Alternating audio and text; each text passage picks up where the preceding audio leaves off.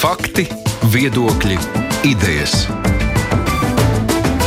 Raidījums Kruspunkta ar izpratni par būtisko. Labdien! Studijā Mārija Ansona ir klāta piekdiena, kad apspriežam aizdītās nedēļas interesantākos notikumus. Sākusies iepriekšējā balsošana Rīgas domas ārkārtas vēlēšanām, bet, nu, lielā vēlēšana diena būs rīt. Tikmēr diskusijas par bērnu tiesību sarga atklājumiem Bruknes mūžā nerimst ne par matu un gluži otrādi. Bet mēs runāsim eh, gan par to, gan arī eh, par Covid-19 saslimstību ir pieaugusi kaimiņos. Pie mums mazāk tomēr otro saslimšanas vilni gaida arī pie mums. Turklāt tūlīt sāksies jaunais mācību gads. Par šiem notikumiem un jaunumiem runāsim ar žurnālistiem. Kopā ar mums ir Ilze Veģe, portāla NRA redaktore. Sveika, Ilze! Sveiki! Filips Lastovskis, portāla Delfa redaktors. Sveiks! Sveiki! Un Ivo Leitāns, Latvijas televīzijas raidījuma de facto žurnālists. Sveiks, Ivo! Labdien! Pieminēja jau Rīgas domas vēlēšanas. Iepriekšējā balsošanā bija aktivitāte lielāka nekā iepriekšējo vēlēšanu, iepriekšējās balsošanas. Kādas jums sajūtas cilvēki ies vairāk uz vēlēšanām, vai arī mēs esam vienkārši iemācījušies labāk plānot laiku? Jo nu bija tāds viens brīdis, kad šķita, ka aktivitāte būs zema. Kā tagad izskatās Ivo? Vārds tev! Nu, man liekas, pagaidām ir diezgan grūti prognozēt no šiem datiem, jo tā atšķirība nav tik liela no pagājušo reizi iepriekšējās balsošanas. Un es neatceros, kā bija, bet manuprāt, šī ir viena no pirmajām reizēm, kad ir diezgan brīvi iespēja mainīt iecirkni pašvaldību vēlēšanās. Jo, manuprāt, vēl pirms trīs gadiem to vajadzēja tikai iepriekš pieteikt kaut kādā veidā. Tagad to arī atnākot, var arī nobalsot citur. Tāpēc iespējams arī tas ir kaut kādā ziņā nu, faktors, kas uh, palīdz brīvāk nobalsot. Tāpēc cilvēki var, teiksim, iepriekšējā balsošanā aiziet kaut kur, kas viņam ir pa ceļam no darba uz mājām un nav speciāli jārodas uz iecirkni. Varbūt tas arī ir kāda loma spēlē. Tāpēc pagaidām, liekas, ir diezgan pāragri prognozēt. Tur sagaidīsim rītdien, redzēsim, kāda būs laikapstākļi. Kād, kā, tas, man liekas, būs diezgan liels faktors. Pirm, pirmās rīta stundas, tad, tad varēs kaut ko vairāk prognozēt par aktivitāti. Un, protams, arī, arī kaut kādas, nezinu, pēdējās Šodien notiek pēdējās debates. Eh, partijas mēģina sociālos tīklos savus vēlētājus uzrunāt eh, pēdējā brīža eh, visādas. Nu, Formāli tās nav kampaņas, jo agitācija maksas ir aizliegta, bet nu, šis te viss notiek. Nu, tas, tas mēģinājums mobilizēt savu vēlētāju vai to, ko partijas domā, ka tas ir viņu vēlētājs, tas, protams, šobrīd notiek visai aktīvi. Un, nu, vai tas kaut ko dos arī pagaidām. Redzēsim rīt. Jā, bet nu, tas, ko Ivo pieminēja, ka politiķi un arī ne tikai politiķi, arī joprojām notiek medijos dažādas nu, pēdējās priekšvēlēšana diskusijas, bet nu, visa tā kopīgā atmosfēra pirms vēlēšanām partiju savstarpējās nu, kā, kaušanās, tas ir uzjundījis tāpat kā pirms jebkurām vēlēšanām. Nu, vai tas ir aizgājis karstāk. Ir kā tādas ļoti melnas lietas šajās vēlēšanās, manuprāt, nav parādījušās. Tā cīņa ir tāda miermīlīgāka, vai viss ir, nu, normas plašāks spektrs cīņai, es teiktu, ka ir uh, plašāks spektrs cīņai, jo šobrīd arī tajā segmentā, kas ir nu, Rīgā tradicionāli, kas bija saskaņas vēlētājs, pēdējos nu, trīs sasaukumus vai, vai pēdējās trīs regulārās vēlēšanas. Nu, tagad tur ir arī sīva, jo, teiksim, arī Krievijas Savienība nav startējusi divas iepriekšējās pašvaldību vēlēšanas, ko varbūt cilvēki ir, ir aizmirsuši. Un tagad startē gan Krievijas Savienība, kas ir nu, tāds uh, klasisks, uh, sens uh, saskaņas oponents, konkurents, no kuru saskaņa atstūma no savu laiku tikšanas Rīgas domē, saimē un tam līdzīgi. Nu, tagad arī ir šīs savstarpējā gods kalpot Rīgai un, un saskaņas konkurence, kas ir nu, par, vismaz vienā daļā par vienu to pašu vēlētāju. Un tāpēc, tāpēc ir plašāks, plašāk. Nu, agrāk bija tā, teikt, ka, jā, ka tās, tās devētās latviskās partijas savā starpā strīdas un saskaņa tik monolīti, tad tagad šie strīdi ir redzami abās valodās. Mm -hmm, mm -hmm. Iels, kā tev vērojumi? Uh, nu, pirmkārt, tas, ko es gribēju piebilst, ka Jāpiekrīt Ivo. Visticamāk, patiesa aina tostarp būs saistīta ar to, kāda rītā būs laikapstākļi. Tā parasti ir. Tas, ko es esmu novērojis, es šajās vēlēšanu, priekšvēlēšanu laikā esmu aizgājis varbūt kā vērotājs no tās oficiālās priekšvēlēšanu debašu vietas, kas būtu televīzija, radio. uz sociālo tīklu, uz teiksim, tādu ikdienas komunikācijas līmeni. Un tas, ko es redzu, to starp sociālajos tīklos, ka iespējams šīs būs vēlēšanas, kurās nedaudz pamainīsies vecuma attiecības vēlētāju aktivitātē. Proti, gados vecākie cilvēki iespējams vairīsies iet uz vēlēšanām, to starp Covid bāžu dēļ. Ja? Tostarp nevēlēdamies varbūt maskas lietot, nevēlēdamies vispār atrasties tādā plašā sabiedrības lokā. Savukārt, gados jaunie cilvēki iespējams šīs vēlēšanās piedalīsies aktīvāk. Tostarp pateicoties šai politiskajam spektram, kurā ir ienākuši jauni spēki. Tas būtu pirmais novērojums. Savukārt, kas attiecās uz starppartiju, kā tu teici, ķīviņiem. Uh, Man personīgi šīs vēlēšanas ir ārkārtīgi gremdenas. Priekšvēlēšana debats man ir ārkārtīgi gremdenas, jo es to ļoti labi atceros, teiksim, kāda savulaik bija gan debašu līmenis, gan kandidātu līmenis, gan uh, kaislību līmenis. Šajās vēlēšanās jāpiekrīt Ivo. Jā. Man pašai kā žurnālistam visinteresantāk, protams, šķitīs uh, saskaņas saskaņas mačošanās ar gods kalpot Rīgai. Jā, tas, tas, tas varētu būt interesanti, kas attiecās uz pārējo partiju sniegumu un arī priekšvēlēšanu debatēm. Visi tie piedāvājumi ir ļoti līdzīgi. Rēmdeni arī tas emocionālais līmenis ir uh, rēmdens pat sociālos tīklos, kur uh, citiem gadiem ir bijušas varbūt lielākas batālijas. Vienīgais, kas piesaistīja manu uzmanību, jā, bija uh, šīs te. Uh, izziņas, ko varbūt arī jūs vakar redzējāt, ja, kas tika izsūtīts un plaši apspriestas, vai, vai var šādi pirms vēlēšanām aģitēt, vai tas ir vispār piedienīgi, kur ir dabūti telefona numuri. Ja, tā tad vakar plašā spektrā cilvēkiem tika izsūtīts. Un otrs ir šis te, nu, nezinu, skandāls, ne skandāls. Ja, Um, Nemīro ar, ar Ušakovu, kas man savukārt gan likās ļoti gaumīgs joks, ja, bet tas arī ir viss, neko vairāk tādu savstarpēju cīņu uh, rezultātā nevar piebilst. Filip?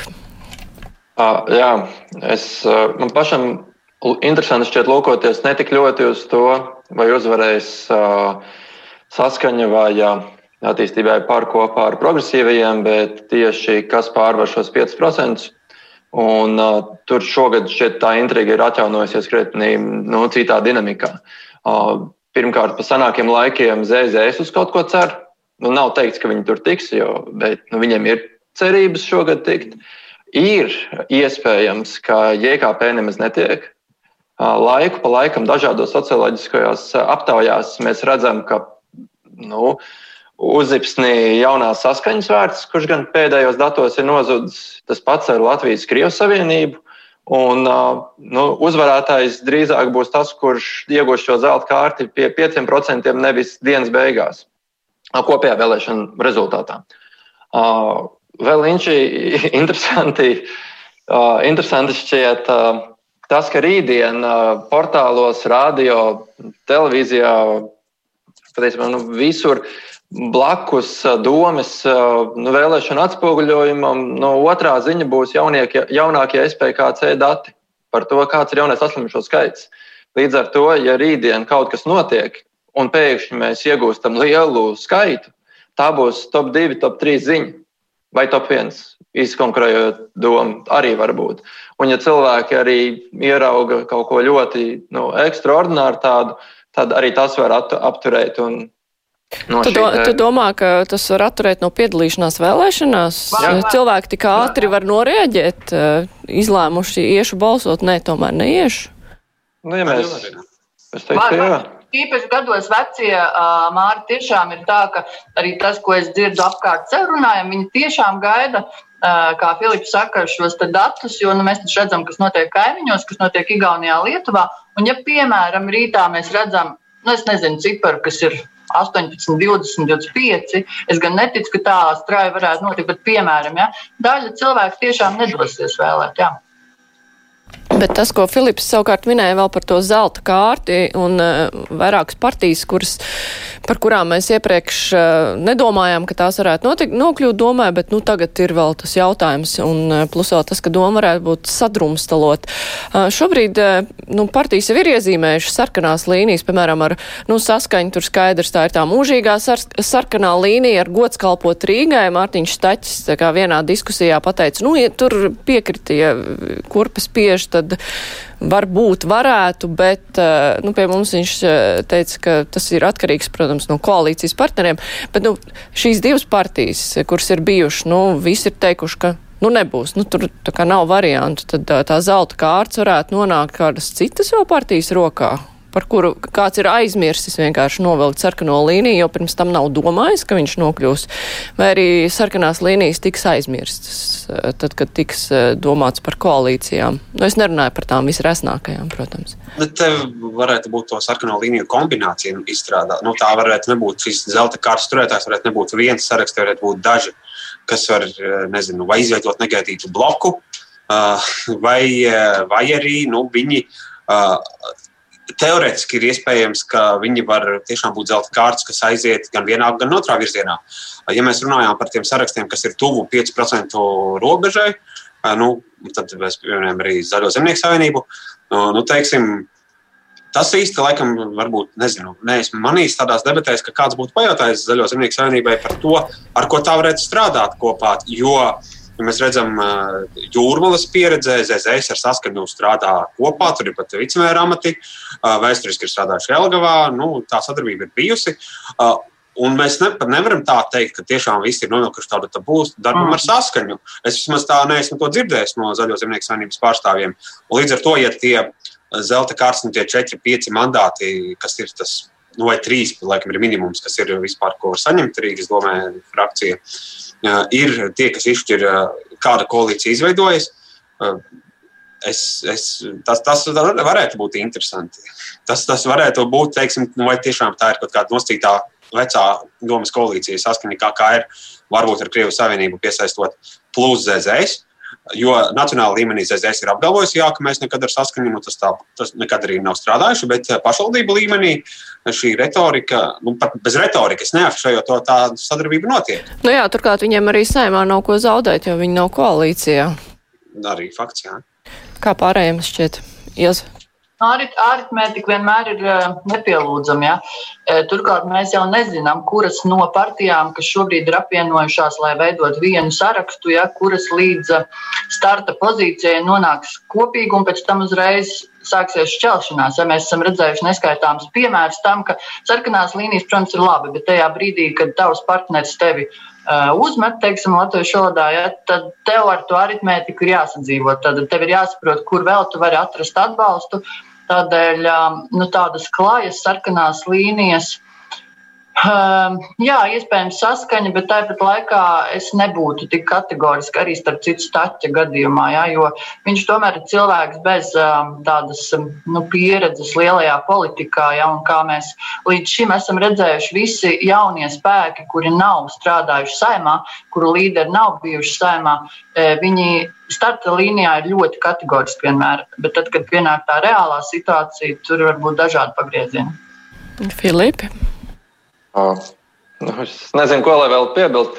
Man liekas, ka interesants faktors ir jaunā konservatīvā partija. Viņi ierasti vēlēšanās ir bijuši ļoti nāski uz to sarkano līniju, klišejas piesaukšanas un, un to darījuši. Un, man kolēģi var labot, un, bet manuprāt, šogad tas tā nav bijis izteikti. Tas varētu būt arī skaidrojums. Izteikti tas ir bijis. Jā, jā. Nu, par mm. bet, jautājums ar viņiem, jā, tas faktors ir tā, kā pats minēja, vai viņi pārvar to 5% barjeru. Bet tas varētu būt arī atkarīgs nedaudz no tā, kāds ir šie līderi. Jāpiebilst, ka Linda Ozola nav tik izteikts orators un uz konfrontāciju vērsts nu, flagmans, kā ir piemēram bijis tas pats Bordāns iepriekš, nu, lai, kur viņam ir bijis katrai otrajā teikumā ar šo jā, ar šo nē, un, un, un sakliekties ar to un sakliekties ar trešo. Bet, uh, Lai gan Linda Ozola arī diezgan skaidri pateica, ar ko jā, ar ko nē, ar tiem, kas ir eh, prokremliski nē, ar eh, zagļiem nē. Nu, tur ir Jā, es šajā gadījumā domāju par Zaļo un Zemnieku uh, savienību. Bet es domāju, ka JKP tas ir bastions, uz kā viņi būs gatavi, nezinu, ziedot visu un neiet ar ZZS. Un es arī mm. teiktu, ka es ļoti apšaubu, ka Lindai Ozolē būs brīvas rokas pilnīgi pašai ar saviem deputātiem, kas nebūs domē, lemt, ka tur nebūs ne Jānis Bordāns, neko nevarēs par to pateikt, mm. ne mm. Krišānis Feldmans, ne citi, kas tur palikuši tagad apkārt vadībā. Es vienkārši tas būtu, man liekas, zinot nedaudz arī iekšienē IKP, kā tur darbojas viss ļoti naivi. Kaut ko tādu domāt, ka tur Lindai Ozolē varēs. Viņa pat, viņa teiks, Jānis Bordāns, lūdzu, dari kā gribi, kā uzskati labāk. Nu, protams, tajā brīdī, kad viņi nonāk, ja viņi nonāk domē, tas tā nenotiks. Es, es vairāk runāju par šī, šī, šī brīža priekšvēlēšanu kampaņu. Un tajā brīdī Bordāns un iepriekš arī Strīskundze ir bijuši krietni izteiktāki līderi uz šo te, uh, sētu uzbūvēšanu attiecībās ar nu, potenciāliem partneriem. Bet piekrītam, jā, ka viņiem nebūs iespējams tā mandātu šobrīd pateikt ja viņi vispār Man liekas, ka EKP paši taču ļoti prātīgi spēja nolasīt šos socioloģiskos datus, un uh, viņiem šobrīd jau arī nav īsti jēgas bļaut um, par sarkanajām līnijām, jo viņu iekļūšana domē, tas varētu būt tiešām nu, tāds no, no ne, nu, ne, ne gluži no fantastikas līmeņa, bet nu, tuvu tam. Jā. Nu, bet tajā pašā laikā nu, sarkanās līnijas tas arī kaut kāds vēstījums, kas ir domāts vēlētājiem, lai pateikt, tā ir mūsu pozīcija, nu, tā kā vēlētāji lemj, par ko balsot balsot. Bet mazliet par um, priekšvēlēšanu laiku pagājušo nedēļu, kad bija Baltkrievijas atbalsta mītiņš ļoti plaši, um, tika diskutēts par to, vai politiķu piedalīšanās uh, šajos pasākumos, fotografēšanās ar karogiem, vai tas ir tāda priekšvēlēšana zīmēšanās, vai tas ir uh, nepieciešams atbalsts Baltkrievijai, kas savukārt uh, redz, ka politiķi Latvijā staigā ar viņu karogiem. Kā jūs to traktētu? Ja var tā nepārāk gari, Ivo. Es teiktu, gan, gan, tāpēc tur ir grūti. Vienkārši mēs nevaram uh, vienkārši tagad uh, nonākt pie tāda alternatīvā realitātē un redzēt, kā rīkotos politiķi laikā, ja nebūtu Rīgas domas ārkārtas vēlēšanas. Tagad, uh, Var pieļaut, ka liela daļa no viņiem tāpat piedalītos šādos pasākumos. Protams, ka uh, dalība šādā pasākumā, laikā, kad ir priekšvēlēšana aģitācija, to neizmantot kā kaut kādu uh, nu, savu fotografiju, neielikt kaut kur tas vienkārši politiķim, nu, man liekas, viņam vienkārši viņš Ju, nu, viņš, viņam roka nepaceļas kaut ko tādu neizdarīt, neizmantot. Eh, protams, arī par tiem mītņiem runājot, tur gan laikam bija vienošanās, ka politiķi neizmantoja partiju kaut kādus uh, lozungus, karogus uh, un tam līdzīgi, izņemot vienu nejaušu gadījumu, kur cilvēks ar zaļas krāsas mapīti pavicinājās. Bet tas uzreiz izpelnījās tādu masveidīgu sašutumu. Nu, uh, tur gan tā politiķi centās uh, distancēties. Un tas pirmais, domāju, kas bija pie Baltkrievijas aizsniecības lielais uh, mītījums. Mm -hmm. Filip, kā tev izskatījās? Jā, politiķi nevar paredzēt to, ka pēkšņi būs šādi protesti un, un, un būt tikai no partijām atbildīgi piedalīties kaut kādās, nu, izrādīt savu attieksmi šādos gadījumos. Līdz ar to es arī saku, gan, gan, jā, viņiem būtu bijis jāpiedalās, un es domāju, ka būtu daudz piedalījušies, bet tas vēriens, nu, ja, iespējams, ka būtu mazāks nekā mēs tagad redzējām. Mm -hmm. Ilze, tu arī par gan, gan. Piekrītu visam augstāk minētajām. Es subjektīvi mm, zināmā mērā vīlu staķi, jo man nepatika beidz, kā viņš to ir izdarījis. Ja? Tā kā man viena no kolēģiem teica, tā zīmuļošanās tieši staķi izpildījumā bija pārspīlēta pat priekš liberālā spēka. Ja? Jo nu, var to darīt dažādi, var darīt ar gaumi. Staķim šoreiz tās gaumas pietrūka. Mm -hmm. Labi, es atgādināšu klausītājiem un Latvijas televīzijas skatītājiem, ka šodien kopā ar mums ir Filips Lastovskis no portāla Delfi, Ilza Veģa no portāla NRA un Ivo Leitāns no Latvijas televīzijas raidījuma de facto. Turpināsim tūlīt. Raidījums Krustpunktā. Jā, tie jau tika pieminēts Covid-19 kā viens no faktoriem, kas varētu ietekmēt vēlēšanas, vēlēšanu aktivitāti. Uh, jā, šodien uh, tā statistika, kas parādās, uh, ir vēl neglītāk, nu, nepatīkamāk kā vakar. Lietuvā šodien 48 gadījumi, Igaunijā 18, Lat Latvijā ir 9. Vai mums būs jādomā par jauniem ierobežojumiem, kā jums šķiet, Filip, kā tu domā? Nu, attiecībā uz Lietuvu, man, manuprāt, mēs šeit runājam tieši par Lietuvu, jā, tas ir ļoti tuvu. Un, pārskatot, ko paši Lietuvā eksperti saka un arī kontrolējušās iestādes, tad šobrīd cilvēki ir sākuši gandrīz vai nu, iepriekšējos nedēļas nedaudz izvairīties un izvairīgi atklāt, vai viņi ir bijuši šīs saslimšanās personas vai kontaktpersonas un cenšas tam nu, ir mazāk atsaucīgi. Līdzīgi Lietuva arī ļoti vaino valsti par to, ka sākumā Igaunija un Latvija ir bijusi krietni ātrāk un operatīvāk šo te testu veikšanu iespēju nodrošināšanā. Un, un tas iespējams ir iedevis pamatu, kāpēc nu, Lietuvai ir mazliet sliktākas pozīcijas šobrīd. Un, Jā, Lietuvā šobrīd ir eksperti prognozē to, ka nekas labāks nebūs ka tuvākās nedēļas, tuvākās dienas varētu šie rezultāti būt tikpat slikti. Un, jā, viņi cerēja, ka tas notiks septembrī, varbūt oktobrī, ja vispār notiek? Bet šobrīd tas pienāca augustā, un izbrīnu tas pašā Lietuvā nav radījis. Bet, nu jā, viena lieta ir ierobežojumi, kas mums varētu būt attiecībā pret iebraucējiem no Lietuvas un piesardzība, bet nu, mums jau arī tā statistika paliek tomēr drusciņi sliktāk. Un, vai mums šeit uz vietas būs jādomā par kaut kādiem papildus ierobežojumiem? Tā pati masku nēsāšana Lietuvā, kas bija, nu, krietni plašāk pieprasīta nekā pie mums, tomēr tas kā nav devis, acīm redzot, to rezultātu.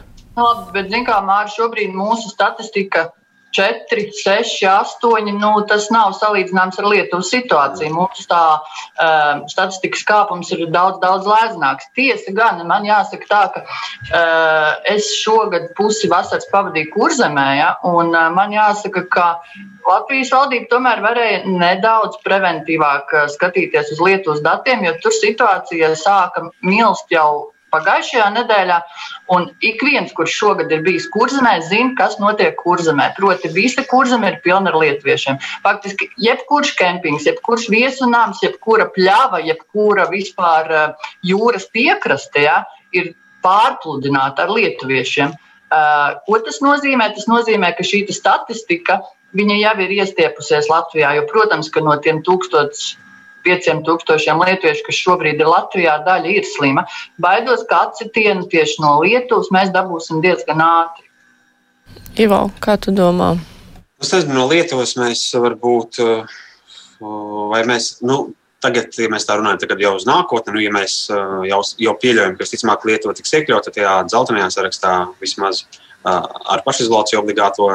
To, to mēs vēl varbūt nejutīsim. Un tie lietuvieši, kas ir bijuši Latvijā augustā, nu, uh, Tur pēc tā laika mums vajadzētu redzēt kaut kādu lielāku uzliesmojumu. Nu, cerams, ka uh, viņi slimie lietuvieši, ko pieminēja Ilze, vairāk kontaktējās savā starpā un tomēr uh, vietējos kurzemniekus uh, ar covid neaplipināja ka viņi kaut kā distancējās no viņiem. Bet uh, tas, kas, nu, tas, kas ir nākamā nedēļa, sākas uh, skola. Sākas 1. septembris, un vai gan ar visiem drošības pasākumiem un uh, dažāda veida risinājumiem, kā skolās tiek atvērtas tur vienas ieejas vietā četras ieejas un plašu plūsmu un nekrustošanos un tam līdzīgi. Tas ir tas, ko mēs, nu, kur tomēr gan vecāki nāks vest bērnus, gan, gan bērni tur būs un sēdēs klasēs ilgstoši, nu, tad, tad mēs, tas ir tāds riska faktors, kas mums ir septembrim sākoties. Nu, kas, kas var mūsu šo statistiku, kas tomēr pagaidām ir, nu, šie, šie kāpumi ir 6, 9, tiešām viņi paskatās, ir kaut kādi bijuši pīķi ar 11. Eh, tas, tas tāds vidējais līmenis nav, nav briesmīgs. Nu, viņš ir nu, Eiropas līmenī, pasaules līmenī ļoti labs. Bet, eh, bet nu, tas, protams, eh, skolu atvēršana un 1. septembra un mācību gada sākums būs nu, tāds pamatīgs tests vispār mums visiem, kā sabiedrībai, epidemiologiem, izglītības sistēmai un tā tālāk. Ivo, gan es tev nevaru mierināt par tiem lietuviešiem, kas nesatiekās ar latviešiem. Es biju Liepājā augustā, divas nedēļas jau pāri, un tur, piemēram, karostā, tur tajā muzejā, tur visi čupojās. Nu, tur nekādi, ne divi metri, nekas, un pietiekami gari pasākumi, kur visi ir kopā. Bet tu pieminēji skolu. Um, tad skola ir tas faktors, no kā mums nu, kā būtu jāvērās, jo mēs vēl neesam izmēģinājuši mācības Covid laikā. Tad bija pavasara brīvlaiks, kad aiztaisīja ciet skolas, un tā kā nav nekas izjauts. Mācības iz... mēs esam izmēģinājuši, bet uh, klātienes mācības. Klātienes mācības, jā. jā, un uh, mums ir piemērs uh, Murjāņi, kur ir notika kā, bērnu pulcēšanās. Nu, lai, gan tas ir, lai gan tas ir citādāk, jo tur ir gan sacensības bijušas, un tā ir tomēr tāda internāta skola, bet, nu, tad mācības. Tad ir bažas par to, ka kaut kādā brīdī var parādīties arī skolās uzliesmojumi. Kā tev jau šķiet? Zin kā, um, Es neesmu nevienu brīdi slēpus, ka līdz šim tas, ko ir darījusi Latvijas tieši valdība, kā valdības līmenī, es tiešām subjektīvi, kā, kā Latvijas iedzīvotājs, kā žurnālists, vērtēju ļoti augstu Kariņa valdības, kā, kā valdības rīcību. Ja? Un man šobrīd šķiet, ka arī ar šīm mācībām uh, viss notiek diezgan pareizā virzienā. Proti, uh, tas, ko es esmu dzirdējusi mēdīju vidē par to, kā skolas gatavojas, ļoti individuāli. Katra skola pieeja šim jautājumam ļoti individuāli. Lielās skolas tas ir viens stāsts, mazās skolas ir otrs stāsts. Mazās skolas, cik var saprast šobrīd, viņas negrib tās pārspīlēt. Ja tur mācās 100 vai 200 bērni, tad viņi uh, varbūt varēs turpināt mācības klātienē, nedalīties grupās. Ja skolā mācās tūkstotis bērni vai, vai vairāk, esmu klausījusies tādas šīs variācijas nāks pa maiņām. Starpbrīžos nevarēs iet laukā, nevarēs nākt pirms, skolā, pirms nodarbībām, nāks tikai pirmās sastāvs. Tad katrai skolai ir dota diezgan liela vaļa, jo viņa jau pat vislabāk zina, šo situāciju. Bet, protams, jāpiekrīt Ivo, un tur atkal jāsaka tā, visu cieņu un, un pacietību vecākiem ir jābūt izprotošiem, jo situācija, nu, diemžēl, viņa vēl kādu brīdi būs saspringta, un vecākiem ir jāsaprot, ka būs kāds brīdis, kad bērns sēdēs mājās, būs kāds brīdis, kad vecākiem atkal nāksies šīs neklātienes mācības uz saviem pleciem, bet, nu, tikai kopīgi mēs varam šo lietu uzlabot. Jā. Filipa, tevi satrauc skolas sākums? Uh, kuru nestrādājas, ja godīgi šajā visā laikā. Uh, Es saprotu, ka viens no risinājumiem vēl arī klātienē, dažas no daudzās skolās arī nu, jaunākās klases dodas, un ka vecākiem bērniem, ir, nu, jauniešiem, jau vidusskolēniem, ka viņi var attālinātāk to visu mācību procesu novadīt. Un, nu, līdz ar to man šobrīd nu, Tas pats process, kāds tiek virzīts, rada pārliecību par kaut kādu organizētību. Man vēl nav bažu. Man šobrīd nav bažu par to, kāds tiek darīts. Un, ja būs nepatikšanas, tad visticamāk tas nebūs no tā, kā tieši mēs esam organizējuši šo, bet tās būs sekas Sērijai. Jā, un vēl viens temats, par ko šodien gribēju runāt, ir diskusijas, kas ir izvērtušās saistībā ar Bruknes mūžu. Mums vēstules arī katru dienu tiek rakstīts cilvēks zvana, un nu, šajā gadījumā varbūt mazāk vērtējot par to, par konkrēti notikušo šajā te centrā, bet vairāk par to, kā sabiedrība diskutē par šo jautājumu. Ilze, kāds tev, kādas tev rodas pārdomas, kad uh, tu uh, lasi diskusijas par šo tematu? ja mēs tiešām nepieskaramies pašam jautājumam, jā, jo ir jau grūti abstrahēties. Jā, ne, nu, tad, protams, jā, jā, ka pieskarties jā. nāks un attieksme tāpat jā, ir jūtama. Jā, ka mēs paši nevērtējam šo faktu. Jā. E, tad jāsaka tā, ka uh, tas jautājums ir tik ļoti, mm, tik ļoti uzrunājis sabiedrību, ka es neatceros sen jau tādu diskusiju tik augstā temperatūrā. Proti, es neesmu gandrīz vispār redzējusi diskusiju sociālajos tīklos vai, teiksim, mēdījos, kur cilvēki spētu tā abstrahēti ar vēsu prātu iz, izklāstīt savu pozīciju. Ir ļoti galēji viedokļi. Un, jāsaka, ka viņi bieži vien vispār nesas, neiet, neiet kontekstā ar jautājumu, mēs taču apspriežam baznīcu, mēs apspriežam to starp reliģisku organizāciju, to starp kristīgās vērtības. Diskusijas ir tādas, kā tas būtu, es nezinu, nu, par kaut ko ļoti, ļoti, teiksim, katra cilvēka ikdienai būtisku. Ja? Eh, es gan gribētu ieteikt visiem eh, eh, jūsu raidījumu klausītājiem, ja vien ir laiks paskatieties, apmēram pirms 3-4 mēnešiem Krievijas žurnālistei Sobčakai bija izcils raidījums, saucas Monastir Asobavana Značeņie, kur viņa bija aizbraukusi uz Uh, nu, jāsaka, tā līdzīgu iestādi Krievijā, Sibīrijā, mežā. Uh, ar ļoti, ļoti līdzīgu stāstu, kur viņi intervē bērnus, kas piespiedu kārtā tika uz pāraudzināšanu nodoti mācītājiem. Paskatieties, savēlciet paralēlus, un tad iespējams arī jūsu viedoklis varbūt būs nedaudz pamatotāks. Um, Filip, kā tev šķiet, kāpēc tādas kaislības, nu, kāpēc šis jautājums ir tik ļoti satracinājis un nu, jā, cilvēki bieži vien aiziet galējībās un eh, nu, pat ar tādu kā nu, naidu viens pret otru diskutē par šiem Latvijā, jautājumiem. Latvijā mums patīk, ka ir vismaz viens pol pol polarizējošs temats, par ko var nu, spriest un ņem, ņemties. Nu, vai tā būtu misāņa vai zēļu lieta, vai tagad mums ir brūkna, pazudīs brūkna, atnāks nākamais. Mēs vienkārši tā darām. Šajā gadījumā iespējams kaut kādu kognitīvo disonanci rada arī tas, ka gadiem gan sabiedriskie mēdīji, gan komercmediji par Bruknu ir daudz labu vēstījuši, par palīdzējuši ziedot līdzekļus, ir smaidīgu mediņu rādījuši un aprakstījuši. Un, un, un, un tagad pēkšņi izrādās, ka tur jau patiesībā žurnālistiem nu, bijuši kādas aizdomas. Tad kāpēc jūs tā iepriekš viņus tā labi rāmējāt?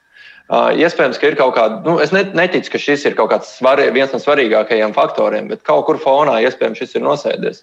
Un, nu, protams, reliģija ir viens no tiem tematiem, kas nu, rada kaislības. Nu, tas tā vienkārši ir.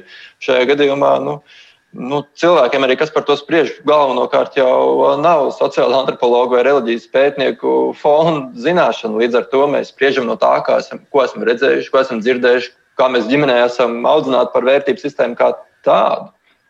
Ivo. Es pat nezinu, ko lai te pasakā. Ja mēs kaut kādā aizgājienā aizējām teoloģiskā diskusijā par reliģiju un tam līdzīgi, un mums jāpēta filmas par klosteriem, varbūt tas ir ļoti interesanti, bet nu, man liekas, šeit bija, ja mēs runājam par faktiem, tad to nu, kopš pagājušās nedēļas, kad tā bija ceturtdiena vai nedēļas vidus, tie fakti ir bijuši tādi, ka ir valsts institūcijas, valsts bērnu tiesību aizsardzības inspekcija paziņojusi par to, ka notiek pārbaudes, ir policija ziņojusi, ka sāks resorisko pārbaudi, ir bijuši vairāki fakti, ir bijuši uh, viedokļi uh, garā preses konferencē, divu ar pus stundu tiešraidē translētā daudzos mēdījos uh, un, un arī saglabāt pēc tam YouTube noskatāmā no uh, Mēdiņa kunga un uh, viņa domu biedriem, tā teiksim, atbalstītājiem, sponsoriem. Un, eh, nu, un tad ir visādi viedokļi, kas ir par un ap, ap to sociālajos tīklos, eh, vairāk jau eh, politiķi arī, mēs te runājam par vēlēšanām, nu, steidz izmantot arī, teiksim, nu, kurš no kur savai platformai atbilstošāk, nu, teiksim, ir, ir piemēram, laikam viens politiķis, kurš pats nekandidē, bet viņa partija piedalās Rīgas domas vēlēšanās, steidza paziņot, ka, lūk, liberāļiem būtu jāuzņemas atkarīgo pāraudzināšanu ne tikai, ne tikai priesterim mediņam, kuram tagad tie liberāļi uzbrūkot, piemēram. Nu, nu, vienkārši vēl iepīts šādā te. Uh, ielikts uh, rāmējumā uh, šis stāsts, nu, ka Rīgas domas vēlēšanas kaut kādā veidā ir saistītas ar to visu. Man liekas, ka to emociju ir daudz, ir, bet šis ir tā kā, tas tā nav Latvijas unikāla situācija. Šis ir tas, ko daži Latvijas politiķi mīl piesaukt Twitterī kultūra karš starp uh, tradicionālo vērtību piekritējiem un, un tam līdzīgi, un tad tiem un nosacīti, nezinu, viņu skatījumā kaut kādiem nīkuļiem, kuri grib kaut kādas cilvēktiesības promotēt vai, vai bērnu tiesības, un kas tas vispār ir mūsu laikos. Tur viss mācījās strādāt no otra vecuma, un neviens par ko neņirkstēja. Nu, nu, tas, tas aiziet tādā, tādā, tādās diskusijās. Uh, Uh, arī no politiķiem, no žurnālistiem. Nu, līdz ar to šī diskusija ir tāda, ka varbūt būtu jāpagaida. Vienkārši arī ir jauni stāsti, kas man arī kolēģis teica šodien, tiešām, kas arī parādījās, teiksim, vakar bija panorāmā viens stāsts par, uh, kur bija uh, anonīmi cilvēki, negribēja savu vārdu runāt, uh, stāstīja par savu pieredzi. Uh, tas, kas darījās sociālajos tīklos pēc tam, radās teorijas, ka šis viss ir izdomāts, šis viss vispār pilnīgi šādu cilvēku nav, ka tie ir atrasti, lai nomelnotu, ka šis viss ir veids, jo kāds grib paņemt to bruknes mūžu, nezinu, kādā veidā tur, ka, un viņu, nezinu, vienkārši pievākt sev un šo īpašumu, ka, tas, ka nu, attālinās no vispār šī stāsta, ar ko viss sākās ar Bērnu tiesību aizsardzības inspekcijas ziņām par sākto pārbaudi tādā, tādā jau vispār uh, sāka vēlties no kalna šis, te, šī lavīna ar konspirācijām, uh, ar, ar mēģinājumu, nu, to, ka tas ir mēģinājums atņemt mūžu, ka mēģinājums vērsties pret vispār mūsu kristīgajām vērtībām un vispār tradī, tradīcijām kā tādām. Uh, arī Ilzas kolēģe, Elita Veitmane, cienījumā ļoti aktīvi uzstāj šādu pozīciju un negrib pat dzirdēt, ka kaut kas, kas varētu būt. Mm cits neatbilstošs viedoklim, ka tā varētu būt patiesība. Ka, nu, šādi, šādi tādas ir jāpiekrīt Ivo, ka tas interesantais, varbūt pat jāsaka unikālais, kas man vispār saknē pārsteidz. Ja? Šodien no rīta ar lielu interesi palasīt cauri visiem tiem desmitiem komentāru pie raksta par šo interviju ar bijušo nu, cilvēku, kas ir bijis Bruknavas pāraudzināšanas. Ja? Vienā blāķī jūs melojat, jūs me, tur pat neanalizē faktus. Tur vienkārši uh, cilvēks saka, tā nevar būt.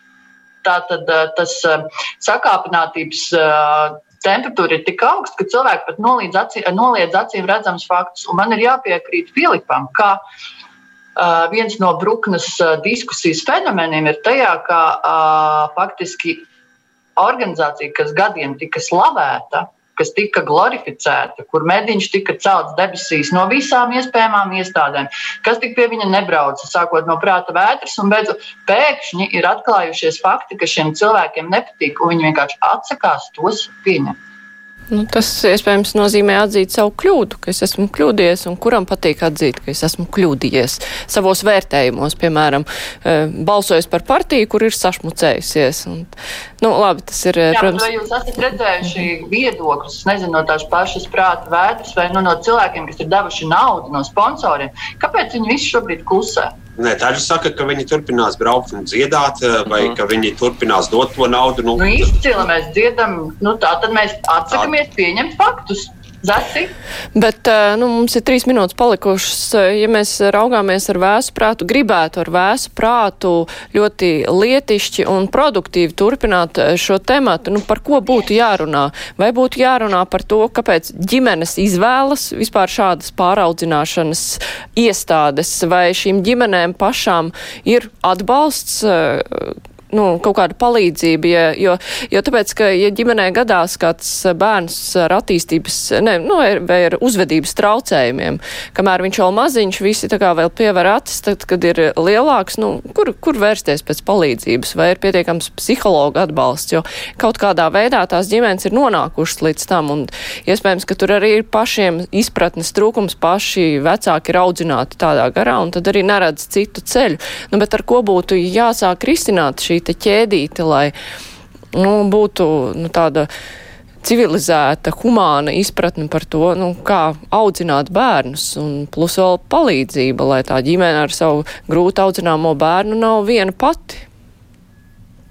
Nu, tas, protams, ir svarīgi, ka šī diskusija ir sākusies. Tas ir pozitīvais no šīs stāsta, ka ir sākusies diskusija par to, kāds ir šīs sociālo pakalpojumu spektrs un tā. Un, Uh, nu, tomēr būtu vairāk valstī jāiesaistās arī labklājības ministra par to runā un tieks ar ģenerālprokuroru un arī kā būtu šīs lietas jāuzrauga.